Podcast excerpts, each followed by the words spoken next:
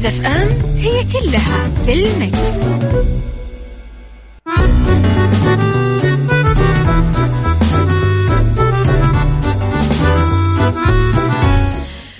يسعد لي صباحكم ويا أهلا وسهلا فيكم. أصبح عليكم صباحكم خير ورضا وعافية وستر وصلاح وبياض ونقاء. أتمنى لكم كل حاجة لطيفة تشبهكم تعدي عليكم اليوم آه وتكون عوض وتكون آه وجهها حلو عليكم.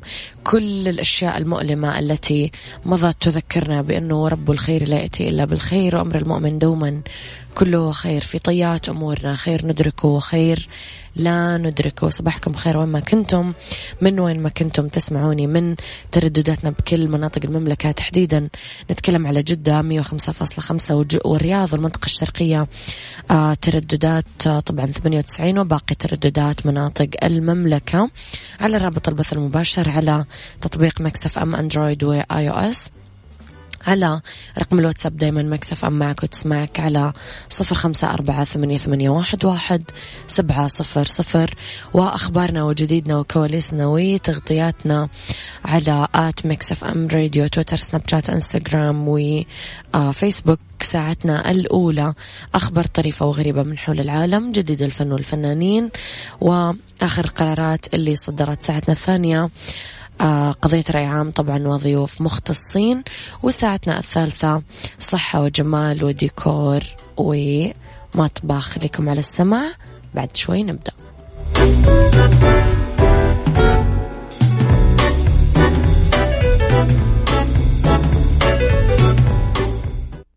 عيشها صح مع أميرة العباس على مكتف أم. مكتف أم هي كلها في المكس.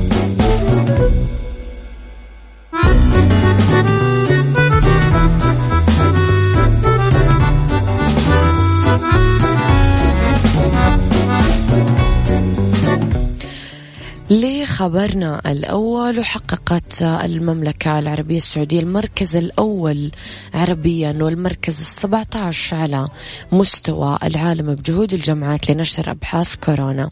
حيث مثلت نسبة الأبحاث السعودية 1.8% من الإنتاج البحثي العالمي. رفع وزير التعليم الدكتور حمد بن محمد آل الشيخ شكره وتقديره لخادم الحرمين الشريفين الملك سلمان بن عبد العزيز ولولي العهد على دعمهم المتواصل للتعليم بالمملكة والاهتمام والرعاية بالبحث والابتكار. أيضا لتهيئة السبل قدام كل العلماء والباحثين في الجامعات السعودية لتحقيق النجاح والتفوق والمنافسة حتى عالميا. مؤكدا أنه هذا الإنجاز هو استكمال للجهود الكبيرة اللي بذلتها السعودية في التصدي لجائحة كورونا والتفوق على دول كثيرة بما يعكس قدرة ومكانة طبعا المملكة في التعامل مع الأزمات. أخيرا أوضح أنه الجامعات السعودية نشرت تقريبا 83.4% من إنتاج المملكة لإبحاث كورونا بجهود وطنية. بدأت من يوم ما تفشت الجائحة على مستوى العالم واستعرض الجهود اللي بذلت لتحقيق الهدف من خلال الدعم للبحوث المتعلقة بفيروس كورونا كوفيد 19 يعني ما حاجة مبهجة وكذا تجيب السعادة لما نشوف قديش أنت في مكان تفوق على كل الأماكن التي تحيطه واللي عاشت نفس الأزمة ونفس الظروف ونفس آه، الأحداث. أسامة الباشا من الرياض صباح الخير. صباح الخير غيث. صباح الخير تركي. وصباح الخير أبو عبد الملك.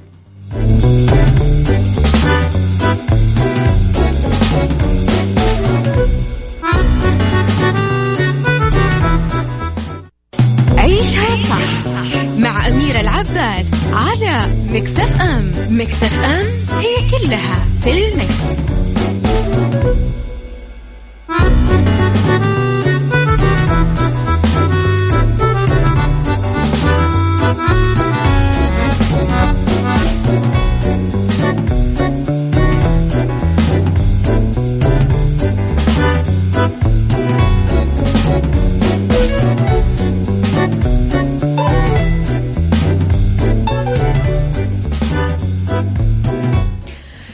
تحياتي لكم مرة جديدة. قالت الفنانة القديرة سوسن بدر أنه دورها بمسلسل خيط حرير ما أقلقها وعلقت بل بالعكس فالدور بالنسبة لها كان جديد وبالعكس والله ما قلقت. الدور بالنسبة لي كان جديد وما عملتهوش قبل كذا وقالت بلقاء في برنامج تلفزيوني دوري مش أم شريرة في المطلق.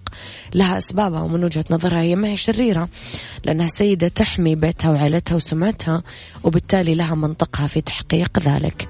وقالت من الحاجات اللي حبيتها قوي في كتابات الكاتب محمد سليمان لكن علاقتي بالمخرج إبراهيم فخر هي عشرة طويلة جدا لدرجة أننا حافظين بعضنا يمكن ما اشتغلناش مع بعض كتير لكن المرة اللي فاتت الدور ما كانش كده خالص في العمل اللي كان بيني وبينه في عمل خرم إبرة. وأكدت أنه نجاح العمل الدرامي ومن أسرار حبها للشخصية في خط حرير هو التفاصيل. حل العمل مع مي عز الدين قالت أول مرة نشتغل مع بعض بس إحنا أصحاب وبحبها جدا وبرأيي أنه مي عز الدين بداخلها طاقة لسه ما طلعش منها جزء يكفيها وجواها أكتر من كده. صباح الخير يا سارونا وصباح الخير يا أبو عابد.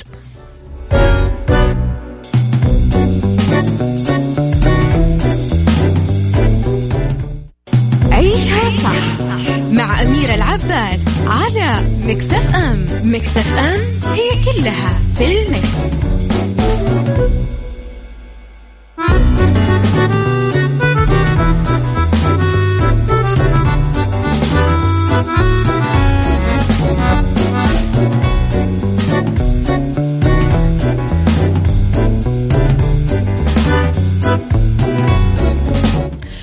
لخبرنا الثالث وتخشى مالكة أول مقهى للقطط في مقاطعة كنت البريطانية من أنها تضطر تغلق مع بداية العام الجديد بسبب الخسائر الناجمة عن الإغلاق المصاحب لأزمة وباء كورونا.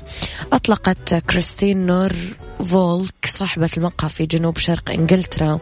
حملة لجمع التبرعات في محاولة أخيرة لتجنب خيار إغلاق المقهى وتوزيع القطط اللي تعيش تحت رعايتها لملاجئ إنقاذ الحيوانات.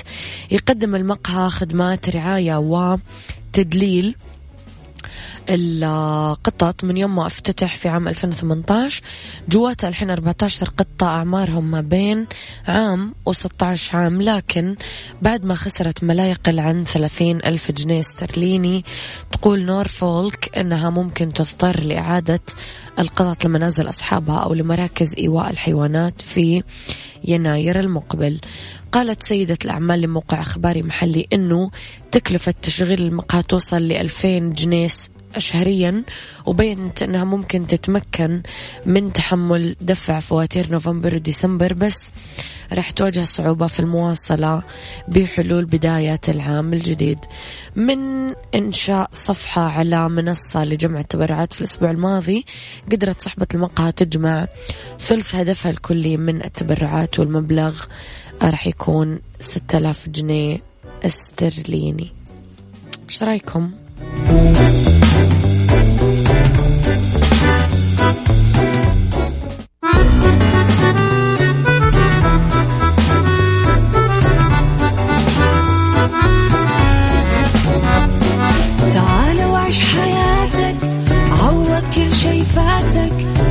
أجمل حياة بأسلوب جديد. في دوامك أو في بيتك حتلاقي شي يفيدك وحياتك إيه راح تتغير أكيد. رشاق ويتوكيت أنا في كل بيت. ما عيشها صح أكيد حتعيشها صح. في السيارة أو في البيت. الشيء المفيد ما عيشها صح الآن عيشها صح مع أميرة العباس على مكتف أم مكتف أم هي كلها في المكس.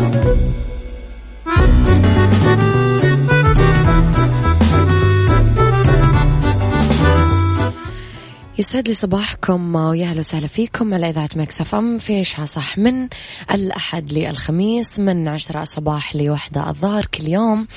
ولمدة ثلاث ساعات على التوالي. أكيد دايما أكون فيها معاكم من وراء المايك والكنترول أميرة العباس. اختلاف الآراء والأذواق طبعا دايما لا يفسد لي الودي قضية ولولا اختلاف الأذواق حتما لبارة السلع نتكلم في هذه الساعة ساعتنا الثانية تحديدا عن موضوع مليء بالجمال والألوان وتكحيلة العين زي ما يقولون. يعني لازم نشوف حاجات حلوة. بما أننا داخلين على season الشتاء اسمحوا لي أستضيف في استديوهات mix FM في جدة تحديدا. أخصائية الشعر مي رياض من مراكز هند جولي يسعد صباحك أستاذة مي. آه، صباح الخير. نرحب فيكي في استديوهات mix FM في جدة. أستاذة مي اسمحي لي أسألك في البداية الصبغات. آه، تحديدا يمكن من أكثر الحاجات اللي البنات حريصين آه، أول بأول إن هم يشتغلوا نعم. عليها ويجددوها. so إحنا دخلنا على موسم الشتاء. تحديدا شتاء 2020 2021 ف إيش ألوان الصبغات الترند أو الرائجة في هذا الموسم؟ هو دايما الشتاء معروف بالألوان اللي هي الدافية والسنة دي تحديدا ال highlight الدافي مش م. النحاسي لا ال highlight اللي هو بيكون على ألوان ال gold وال so blonde آه، طبعا بيختلف من آه، من من من شخص للتاني من نعم. لون بشرته بيختلف في الأمور ديت يعني. نعم. فنركز على إيش؟ والوان بشراتنا و... شوفي هو عادي إن الناس تصبغ لون واحد لنفسها. okay. بس اللي اللي صح يعني لما تروحي الأخصائية في صالون زي هند جولي أو تجيني أو كذا ضروري يبقى في highlight في م. contour في ombré في حاجات كتير جدا تكنيك نقدر نعملها. هو ده اللي بيفرق معانا. آه إنه انت تكوني صبغه في صالون wow ولا تكوني صبغه في مكان عادي أو تكوني صبغه لنفسك. ده الفرق عرفتي؟ بس بالنسبة للشتاء هو الألوان كلها ألوان دافية على على gold آه مفيش نحاسي خالص لأنه هو دايما الشتاء معروف بالألوان النحاسيات وال copper وكده. لا السنة دي لا هو على gold كله. آه وفي كمان الأحمر مش الأحمر الناري الأحمر الدافي.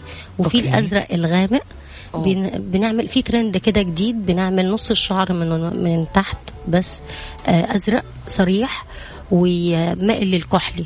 وكمان الأحمر الدافي واشتغلته فعلا يعني. هذه موضات قديمة كأنه أستاذة مي ورجعت. رجعت تاني. برافو عليكي مم. حتى الخصلتين اللي كانوا قدام contouring إيه؟ ديت كانت موضة فترة كده في التسعينات. مظبوط. دلوقتي رجعت تاني وبقوة. طب يعني حلو. آه طبعا. يعني الحين الوحدة إذا عندها صور قديمة ما حتستحي تطلعها ثاني. خلاص بز... رجع الموضوع. بالضبط. كمان بتدي إشراقة كده للوش على فكرة. روح. يعني أيوه بتدي touch كده في الوش تخلي إشراقة الصراحة. يعني أنا عاجبني قوي trend ال contour جدا وظابط جدا على كل ألوان البشرة. لأن إحنا ما بنقفش على درجة معينة. يا أستاذة مي ذكرتي أكثر من مرة اللون النحاسي. ما أعرف هل هو من الألوان المحببة؟ يعني أنا ما أعرف شوفي. شوية احسه لون يعني لا وحش. هو, هو بصي okay. هو بالنسبة لينا إحنا كعرب هو مش لون مش محبب بالمرة صح. خالص. بس بالنسبة للأجانب لون يعني هم أصلا بيحطوه في بيحطوا copper في الصبغة في بعضهم يولدوا already فيه يمكن صح؟ ما بيطلعش عندهم أصلا النحاسي. بيضيفوه في الألوان. آه إحنا okay. بالنسبة لنا بيطلع لنا من غير ما نعمل حاجة نعمل highlight يطلع لنا نحاسي. okay. إنما هم بيطلع لهم أشقرات. إحنا بقى عشان نخلص من النحاسي نحط ألوان تانية زي ال ash وزي ال grey عشان نتخلص من النحاسي اللي في الشعر. هم بالنسبة لهم ده اللون ال wow على فكرة. يعني فهو الممنوع مرغوب. اختلاف اذواق يمكن؟ لا هو دايما الحاجة الممنوعة بنبقى عايزينها أكتر. حريصين عليها. أيوه بالظبط. وإحنا دايما ارتبط اللون النحاسي بالحنة. للأسف. مزبوط. فدايما كده أو لما يبدأ شوية لون الشعر يخرب يقلب على نحاسي أيوه. لما ما تعمل الوحدة. آه تقوم تبقى خلاص كده كأني عاملة حنة كأني مسوية حنة فتبقى طبعا انهيار يعني. فلازم نعمل رنساج نعتني بالشعر كل شهر مرة نعمل رنساج نطفي اللون نرجع للقاش نرجع للرمادي نرجع للزيتي الدرجة اللي هي تحبها بقى.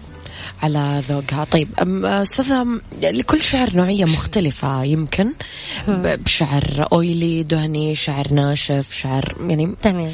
نتكلم شوية عن الألوان والصبغات اللي تناسب كل نوع. نسمع كثير كلمة أنا صبغت شعري زي الفل أو أنا صبغت شعري تعبان ومبهدل وإلخ ف ليش نسمع هذه الجمل؟ المشكلة في الصبغة ولا في نوع الشعر ولا في اللي عملت لها الصبغة ولا فين المشكلة بالضبط؟ ممتاز. م. إحنا في صالون هند جولي. آه أنا بصراحة من أولى الناس اللي اخترعت فكرة test قبل الشغل. يعني نعمل تست خصلة نشوف الشعر ده حالته إيه تقبله للصبغة. لأنه مهما العميلة أقرت إنه هي ما حطتش زيوت ما حطتش حنة بتبقى حاطة وناسية. أو حاطه ومتناسيه مزبوط. عشان هي نفسها تعمل اللون وكتير عرضوها. قالوا لها لا مش هينفع. مم. تمام؟ فبتيجي أسألها أول حاجة consultation أسألها أنت عاملة إيه من ثلاث سنين فاتوا. بقالك قد إيه في ثلاث سنين فاتوا دول بتعملي إيه وما بتعمليش إيه. وخلصنا دوت فبعمل لها test خصلة من كذا مكان ومن كذا زاوية في شعرها. بناء على ال test بقرر هينفع نعمل لون فاتح و wow ولا لون متوسط وبديها تفصيلة اللون اللي هيطلع والدرجة مظبوط. على أساس ما يبقاش فيه خلاف بعدين. آه دي حاجة. الحاجة التانية طالما مرينا بمرحلة ال test ثقي تماما إن الشعر هيعدم ولا الشعر هيتعب ولا هيتلف. لأن أنا خلاص عرفت هو أقصى حاجة فيه يتحمل معايا لحد فين. ودايما بوقف قبل ما يتعب الشعر أو قبل ما يجهد خالص بوقف خلاص إن هو دي أقصى درجة تفتيح ممكنة. اتخذ انطباع عن سحب اللون ان هو بيتعب الشعر سحب اللون والحاجات ديت بتتعب الشعر إمتى؟ تتعب الشعر لما تكوني بتعملي زيت لما تكوني حاطه حنة لما تكوني حاطه سدر أو كتم أو خلطات طبيعية. وفي منتج جديد نازل أنا ما أعرفش هو بيتجاب منين أصلا. okay. sorry. إيش يعمل؟ آه هو اسمه بخاخ بابونج. okay. بيفتح لون الشعر وبيخليكي تستغني عن إنك تفتحي شعرك في صالون. مم. بس أما تيجي الصالون تعملي صبغة صدقيني الشعر بيتدمر تماما. البخاخ ده أسوأ حاجة حصل لحد دلوقتي تحديدا. يعني عشان كمان أكيد في مواد مضرة و chemicals عالي ما دام هو بيفتح الشعر بهذه الطريقة. أنا ما عنديش فكرة هو تركيبته إيه أه. بس أنا اكتشفت إنه ببخاخ البابونج دوت أنا بتجيلي زبونة شعرها أشقر. فما توقعش أبدا إن هي مجرد شوية highlight يتعبوا الشعر. أو صبغه عادية لون واحد يتعب الشعر. مجرد بحط صبغه عادية لون واحد الشعر بيتعب. فبخاخ البابونج ده حقيقي. يعني بنصح كل البنات تبعد عنه. طالما انت ناوية تصبغي في صالون أو تصبغي بشكل عام بصبغه حتى لو عادية من الصيدلية ابعدي عن البخاخ ده تماما. طب أستاذة مي هل في شعر قبوله للصبغة أكثر من غيره؟ مثلا الشعر المجعد أو الشعر الناعم أو ال... يعني في شعر يتجاوب مع الصبغة بشكل أفضل و اسمحي لي أقول لك بشكل علمي. الجين الوراثي عامل أساسي. يعني لما تيجي عندي زبونة شعرها ناعم وأسود بس اسود طبيعي شرقي دي التفتيح عندها بيبقى صعب شوية. م. حتى لو الشعر virgin مش عاملة فيه صبغة قبل كده ولا عاملة حنة بيبقى التفتيح صعب شوية. إنما لو مثلا زبونة شعرها already مايل للبني الفاتح أو بني بشكل عام يبقى المجال فاتح إن إحنا نفتح الشعر مجال مفتوح. أسهل. م. آه الشعر ال cur إحنا عندنا هنا شعور curly مختلفة. في شعر curly كأنه خيل قوي وفي شعر curly soft وضعيف وهايش فال soft الضعيف ده أنا ما أنصحش ابدا بصبغة وصح بلون و highlight إنما أنصح ممكن بلون واحد. إنما الشعر ال curly ما شاء الله اللي هو يكون قوي يتحمل highlight أو سحب okay. وأنا دايما في شغلي بحب أكتر ال highlight مش السحب لأنه السحب بيديني لون واحد وبي ولما بيروح بيروح على لون مش لطيف. إنما ال highlight دايما بيكسر لي ال touch ال orange أو ال gold اللي في الشعر. مم. فحتى اللون لما يتغير بيتغير على لون حلو. okay أنا وياك رح نطلع break قصير جدا ونرجع كمان okay يا حبيبي okay.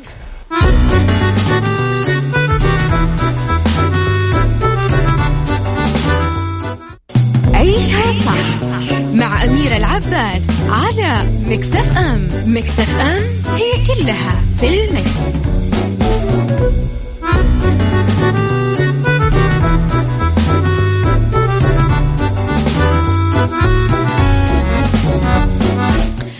تحياتي لكم مرة جديدة. أستاذة معي بعض ألوان الشعر يمكن تحتاج لمعالجات معينة وعناية خاصة شوية أو محددة شوية أكثر.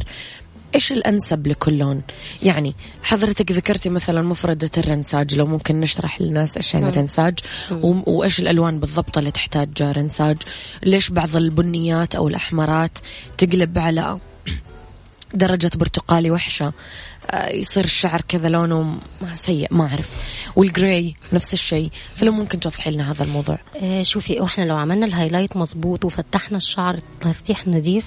وحطينا أي toner عليه ال toner هو ال rinçage اللي هو الصبغة الأخيرة نعم. حطينا رمادي زيتي ايا كان. آه لما بيروح بيروح ويسيب لي الشعر نظيف وتفتيحه حلو okay. ومناسب. بس إحنا فرضنا إن الزبونة عاملة قبلها بني غامق أو بني شوكليت أو عاملة حنة أو عاملة ألوان عودي مم. الالوان ديت لما بفتح الشعر بتفتح على orange ما بتدينيش التفتيح العالي. فدايما بفهم العميلة إنه النهارده إحنا هنعمل مرحلة من اللون ثلاث أربع شهور هنشتغل على الشعر علاج آه، زي ماسكات زي Kérastase زي آه، آه، سيروم معين زي mask للشعر المصبوغ والتالف آه، زي كريم الأطراف اللي هو بي بيعدل الأطراف التعبانة. المهم إنه بتشتغل على شعرها treatment بالشكل دوت وبعدين تجيني ثلاث أربع شهور ونبتدي نعمل تفتيح مرة كمان على نفس ال highlight اللي أنا عملته أولاني يديني خلاص اللون ال perfect خلال دوت أنت دايما عايزة تحافظي على لون شعرك ضروري تيجي تعملي rinçage ال rinçage هو ال toner هو عبارة عن صبغة مع خليط شامبو silver مع شوية أكسجين ضعيف جدا وبنحطها على الشعر حسب الدرجة اللي أنت ترغبيها. عشان نحافظ على نفس اللون على نفس اللون. أيوه ضروري زيارة كل شهر على الأقل للصالون.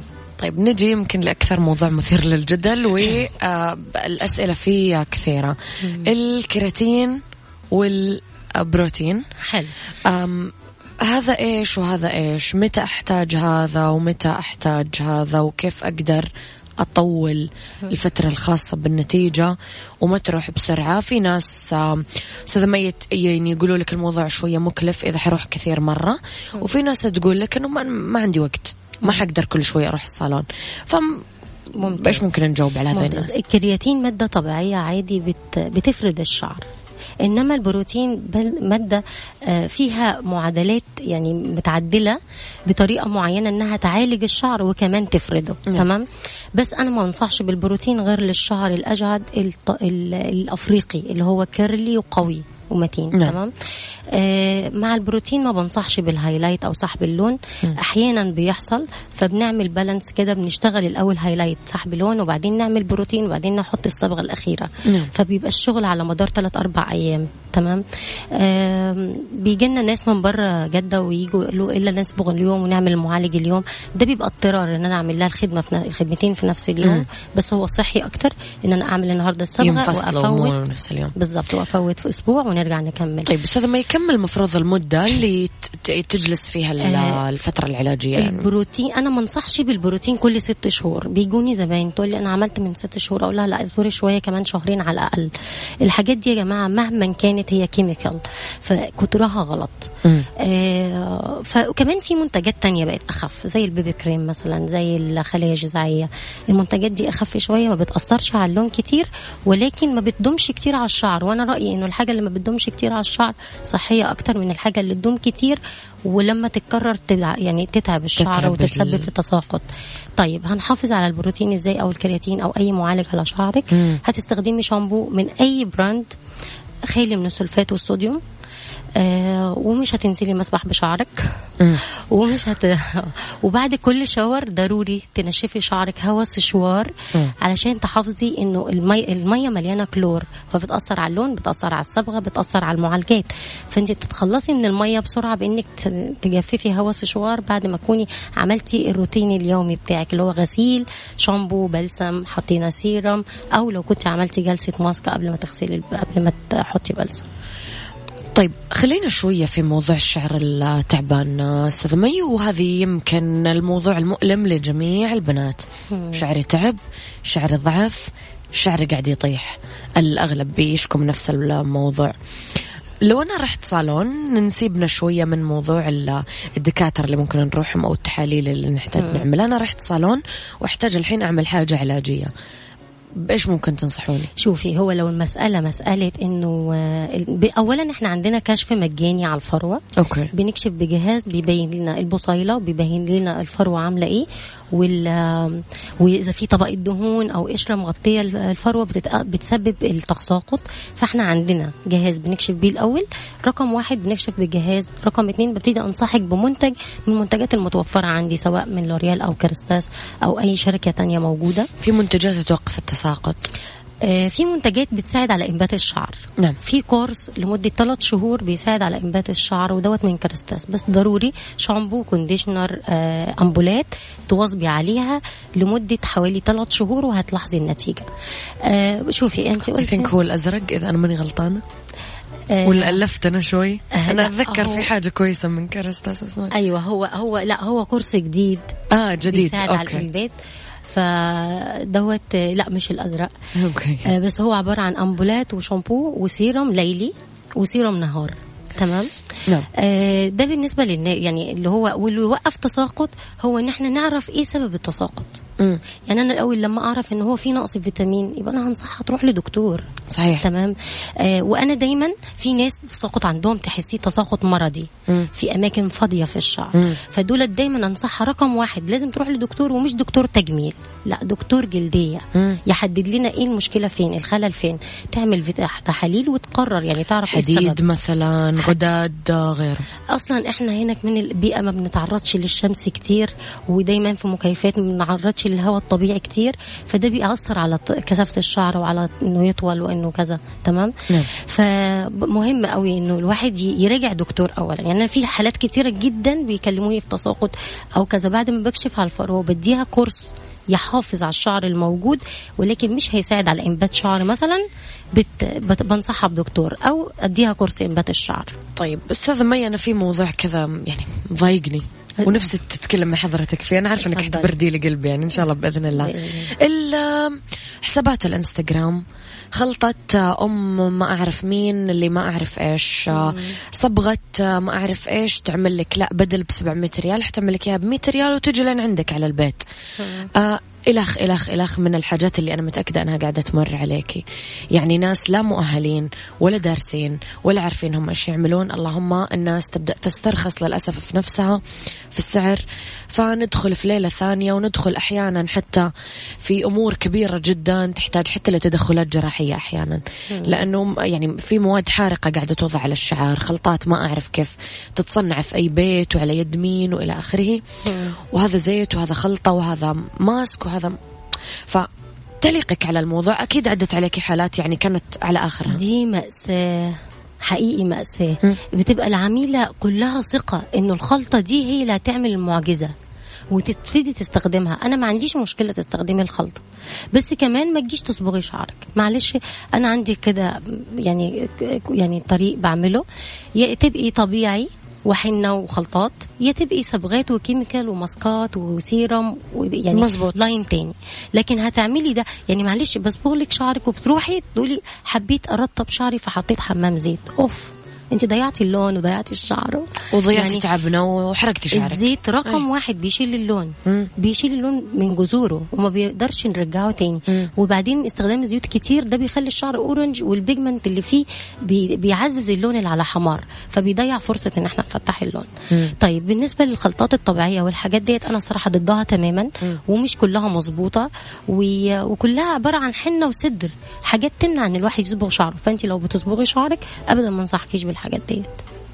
وحتى لو ما نصبغ مدام مي يعني ال- في ناس تعمل يعني خلطات فيها مواد كيميائية بخاخات آه، ما سيرامات فعلى أي أساس. يعني أنا أحط على شعري حاجة أنا ما أعرفها يعني ما هي مصرحة من مكان ما هي بتنباع في صيدلية ناس بتبيعها كذا بشكل عشوائي أدوية بتتصنع على اليد ابلعي هذه الحبة ما أعرف إيش يصير فيه آه. فم لا هو ده فعلا غلط عشوائي هو- الموضوع شوي. جدا طبعا بس هو المفروض يكون الواحد يعني يبقى أمين على نفسه أكتر إنه هو يختار يعمل إيه وما يعملش إيه. إن هو مثلا يعني أنا أنا عمري ما فكرت إن أنا آخد أي حاجة وصفة من على الإنستجرام.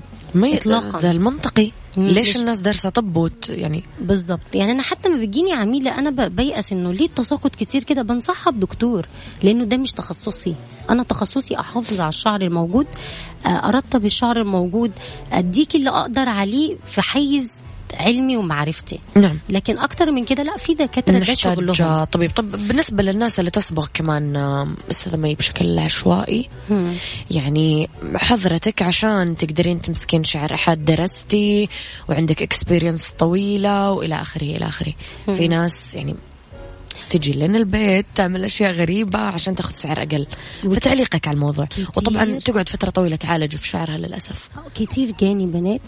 في الصالون أنا كلمت أنا كان صعب أجي عليكي دلوقتي واتصلت على واحدة وجت لي البيت مم. عدلي لي يعني أنا ما بسمعش منها غير كلمة عدلي لي،. انقذيني وفي منها قصات قص الشعر بطريقة غلط دي ممكن تعمل كارثة. يعني إنه نضطر نقص كمان يرجع يطول أو إيه. لا وطريقة القص ضره وكذا. ف يعني النتيجة تبقى أصلا سيئة جدا. وشفت ده وأكيد عملاء عندي عارفين إن هم نفسهم اللي حكوا لي الأمور ديت ومن ضمنها صبغة. مم. وكتير نقعد نحاول نعدل ونرجع اللي ينفع نقدر نعمله. يعني بنحاول نحل المشكلة بأقصر يعني بأقل خسائر لأنه بيبقى فعلا الموضوع مزري يعني. فأنا ضد إنه الواحد يعني أنا صراحة ضد إنه أجيب حد على البيت عشان يعمل لي خدمة بالذات الصبغة وال- والأمور ديت لأن مش أمور سهلة ولا بسيطة.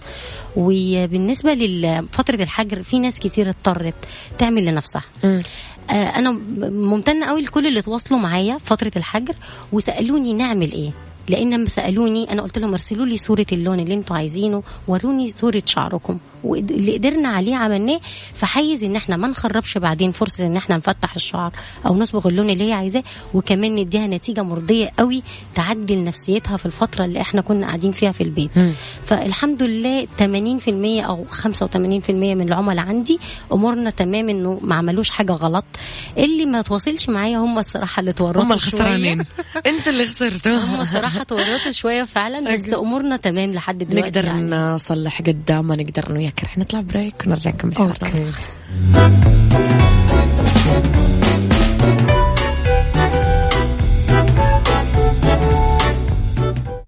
عيشها صح مع أميرة العباس على Mix FM Mix FM هي كلها في ال mix.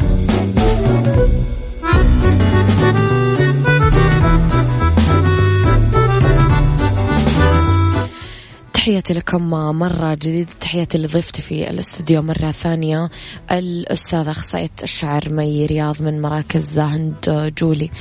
أستاذة مي في الصوالين يعني في ناس لسه شوي حذرة أو قلقة بشأن أنه أنا ماني قادرة أرجي لسه الصالون بسبب كورونا وإلى آخره.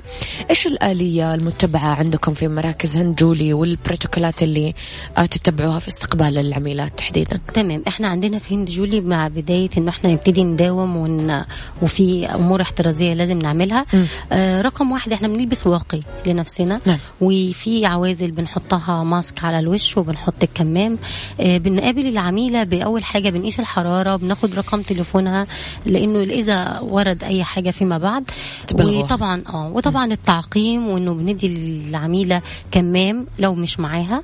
وطول الوقت إحنا بنبدل الكمام للعميلة طول ما هي متواجدة في الصالون. يعني كمام آه، خرب مكان ما غسلت شعرها يترمي ونجيب كمام غيره. أو طولت عن الساعتين بنبدل برضو الكمام مرة تانية. آه، في مسافة بين كل عميلة وعميلة حوالي مترين ونص. مم. ده بالنسبة في قسم الصبغات وكمان في في ال make up والتسريحات. آه، ال make up أصلا نظامه إن هو كل غرفة فيها عميلة واحدة أو عميلتين مش أكتر مع الموظفة بتاعة ال make up. عندنا تباعد طبعا وانتي على ال reception. حقيقي بأمانة بيجيني زباين أصلا هم بيشتغلوا في مجال الصحة. وأقروا ده بنفسهم إنه إحنا أكتر مكان ملتزم بالتعليمات وبالتباعد بجدية مش كلام واللي بيخليني أؤكد لك ده إنه أنا بدل ما كنت بستقبل أكتر من 10 15 عميلة في اليوم لا إحنا بنستقبل نستقبل خمسة سبعة مقابل إن أنا أدي لكل عميلة وقت ضيق يعني وقتها بحيث ما ما يبقاش عندي ضغط في المكان عرفتي؟ أنا, أنا مقرة على هذا الكلام لأنه بنفسي شايفته. الحمد لله. وزيرتكم من بداية أول ما فتحت كورونا إلى الآن. فأنا أعرف هذا الكلام بس لازم حضرتك تشرحينه. ففعلا أنتم من الصوالين اللي جدا متميزة. نختتم بموضوع حلو وكلنا عندنا فضول نعرف مع كل سيزن أستاذ مي الموضة مرة سريعة صايرة. في حاجات قديمة ترجع في موضات جديدة تدخل وإلى آخره. ونبغى نكون دايما في الفورمة في نفس الوقت ما نبغى يعني نألف من الآخر. تمام. في ناس تألف بشعرها. أيوة، بس أيوة. عشان أنه أنا أكون ترند ونفس الليلة أمانة نقعد فترات طويلة نعالج. ف إيش التسريحات الخاصة لفصل الشتاء وترند آم، 2021 مش هتصدقي. إنه أصلا أخذوا ال style الصيفي وهيمشوه في الشتاء. آه يعني الشعر مبلل موضه في الشتاء 21 تسريحتي المفضلة. غريبة جدا. أنا مت... أنا نفسي متفاجئة. قاعدة أتفرج على فاشون عالمي. مم. كل اللي فيه نازل الشعر مبلل. مم. ودوت هيكون ترند ل ل 21 شتاء إن شاء الله. آه غير إنه البنوتيل اللي نازل لتحت مش العالي مم. اللي هو بيبقى عند فقرة أول آخر فقرة في الرأس. آه دوت برضو دوت. قريب للرقبة على طول. أيوه بالظبط أي. دوت كمان بقى موضة. الفرقة من النص والفرقة من الجنب بس بنسبة أقل شوية بس الفرقة اللي في النص أساسية. آه بس هو ده اللي يعني سهل سلس. علشان ما فيش كله في البيت. بالظبط أيوه كله لسه في كنت عشان ما فيش صالون. فأمور بسيطة يعني مش مش over ال retro راح خالص للأسف. أنا م- سعيدة يعني بهذا للناس الموضوع. اللي هو بتحط بروح مناسبات وكذا ال retro كان واخد شو خطير. صحيح. الكام سنة اللي فاتوا؟ لا ما بقاش فيه كتير retro آه أغلبها وح- بس ال wavy آه اللي هو ال wavy المفتوح اللي هو بتاع الشاطئ يعني أيوه. دوت كمان موجود معانا هذا يمكن. دايما أستاذ مي صح طول الوقت أيوه موجود. ده تقريبا أو حتى في الخروجات اللي هي فيها حفلات وسهرات في الليل ينفع كمان مناسب. مريح لأنه مم. طول الوقت وسريع. بالظبط. أنا مبسوطة فيك جدا نورتيني وأنا اليوم اتشرفت بمعرفتك جدا عن قرب حقيقي مبسوطة إني اتعرفت عليك. يا حبيبتي وأنا سعيدة جدا ولنا لقاءات قريبة أكيد بإذن, الله الله فرصة سعيدة. يعطيك ألف عافية. اذا كانت ضيفتي اليوم أخصائية الشعر مي رياض من مراكز هند جولي. حساباتها في مواقع التواصل الاجتماعي طبعا حساب صالون هند جولي راح تلاقونه على طول في إنستغرام. وارجعوا لحسابات Mix FM أكيد راح تلقون كل التفاصيل اللي تحتاجونها. واللي فات الحلقة تقدرون تسمعونا في تطبيق Mix FM على أندرويد وعلى iOS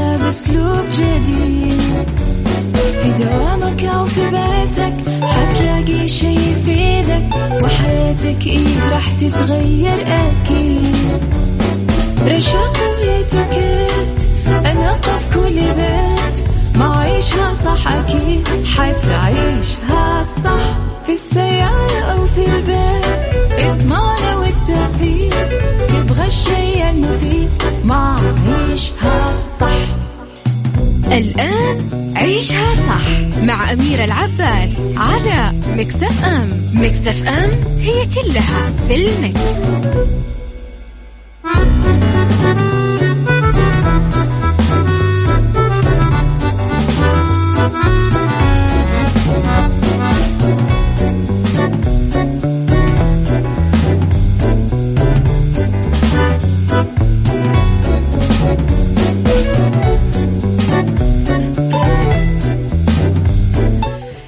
يا مساء الخير والجمال والسعادة والرضا والمحبة والتوفيق وكل شيء حلو يشبهكم أمسي عليكم وين ما كنتم في ساعتنا الثالثة على التوالي من برنامج عيشها صح أولى ساعات المساء آخر ساعات عيشها صح.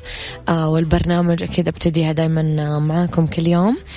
آه بالدنيا صحتك اليوم نتكلم فيها على أدوية الحموضة وتحذير طبي من أقراص كل الناس تاكلها.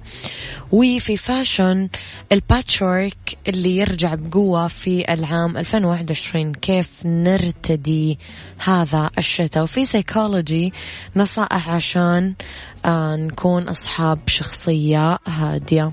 خليكم على السماع وارسلوا لي رسائلكم الحلوة. مسوا علي على صفر خمسة أربعة ثمانية, ثمانية واحد, واحد سبعة صفر صفر. برجعكم شوية ذكريات ما تمزح. بالدنيا صحتك مع أميرة العباس في عيشها صح على Mix FM Mix FM it's all in the mix. لأنه بالدنيا صحتك أدوية الحموضة وتحذير طبي من أقراص يتناولها الجميع. يعني كثير ناس حموضة المعدة اللي غالبا يتزايد الإحساس فيها بعد ما ناكل وجبة دسمة بس علاجها سهل أنه ناخذ أقراص كثير مقبلين عليها. ممكن آه لا يعني يكون لها تأثيرات شوي سلبية على صحتهم إذا كثرنا. أكلها. هالأقراص توقف إحساس الحرق الناجم عن انتقال حمض المعدة لمؤخرة الحلق من بين أكثر عشر أدوية يوصفها الأطباء على مستوى العالم؟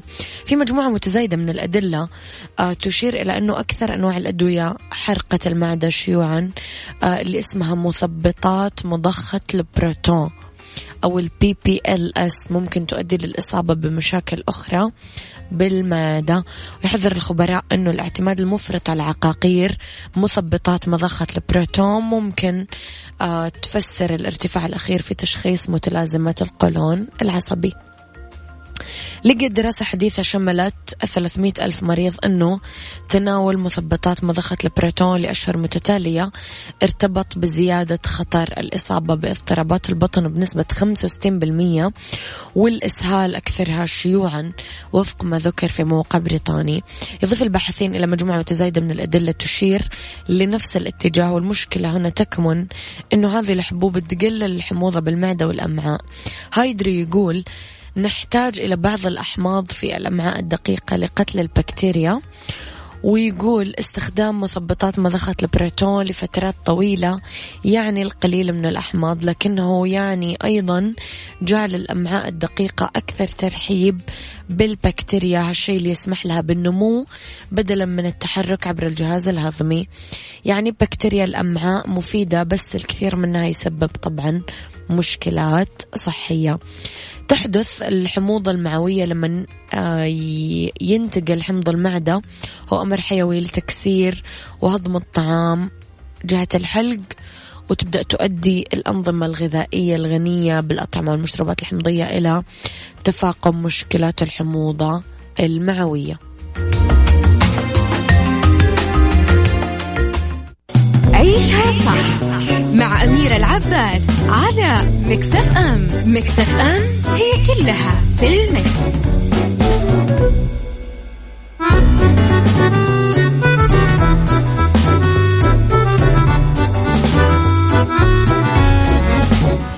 في fashion ال patchwork يرجع بقوة في 2021 كيف نلبسه؟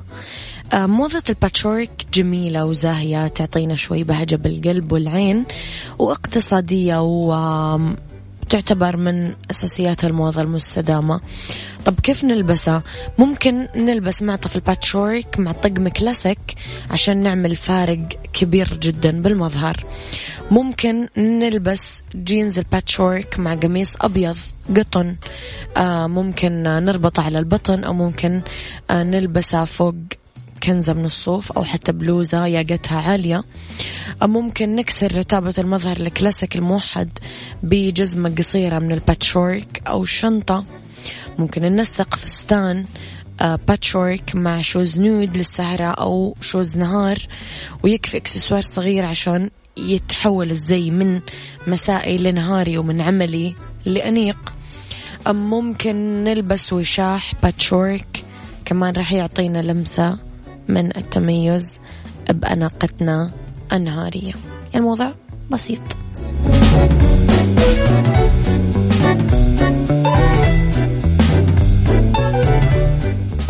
إذا هذا وقتي كان معاكم كونوا بخير واسمعوا صح من الأحد للخميس من عشرة الصباح لواحد الظهر. تبسم مع اسم المنور. تبسم يا أخي.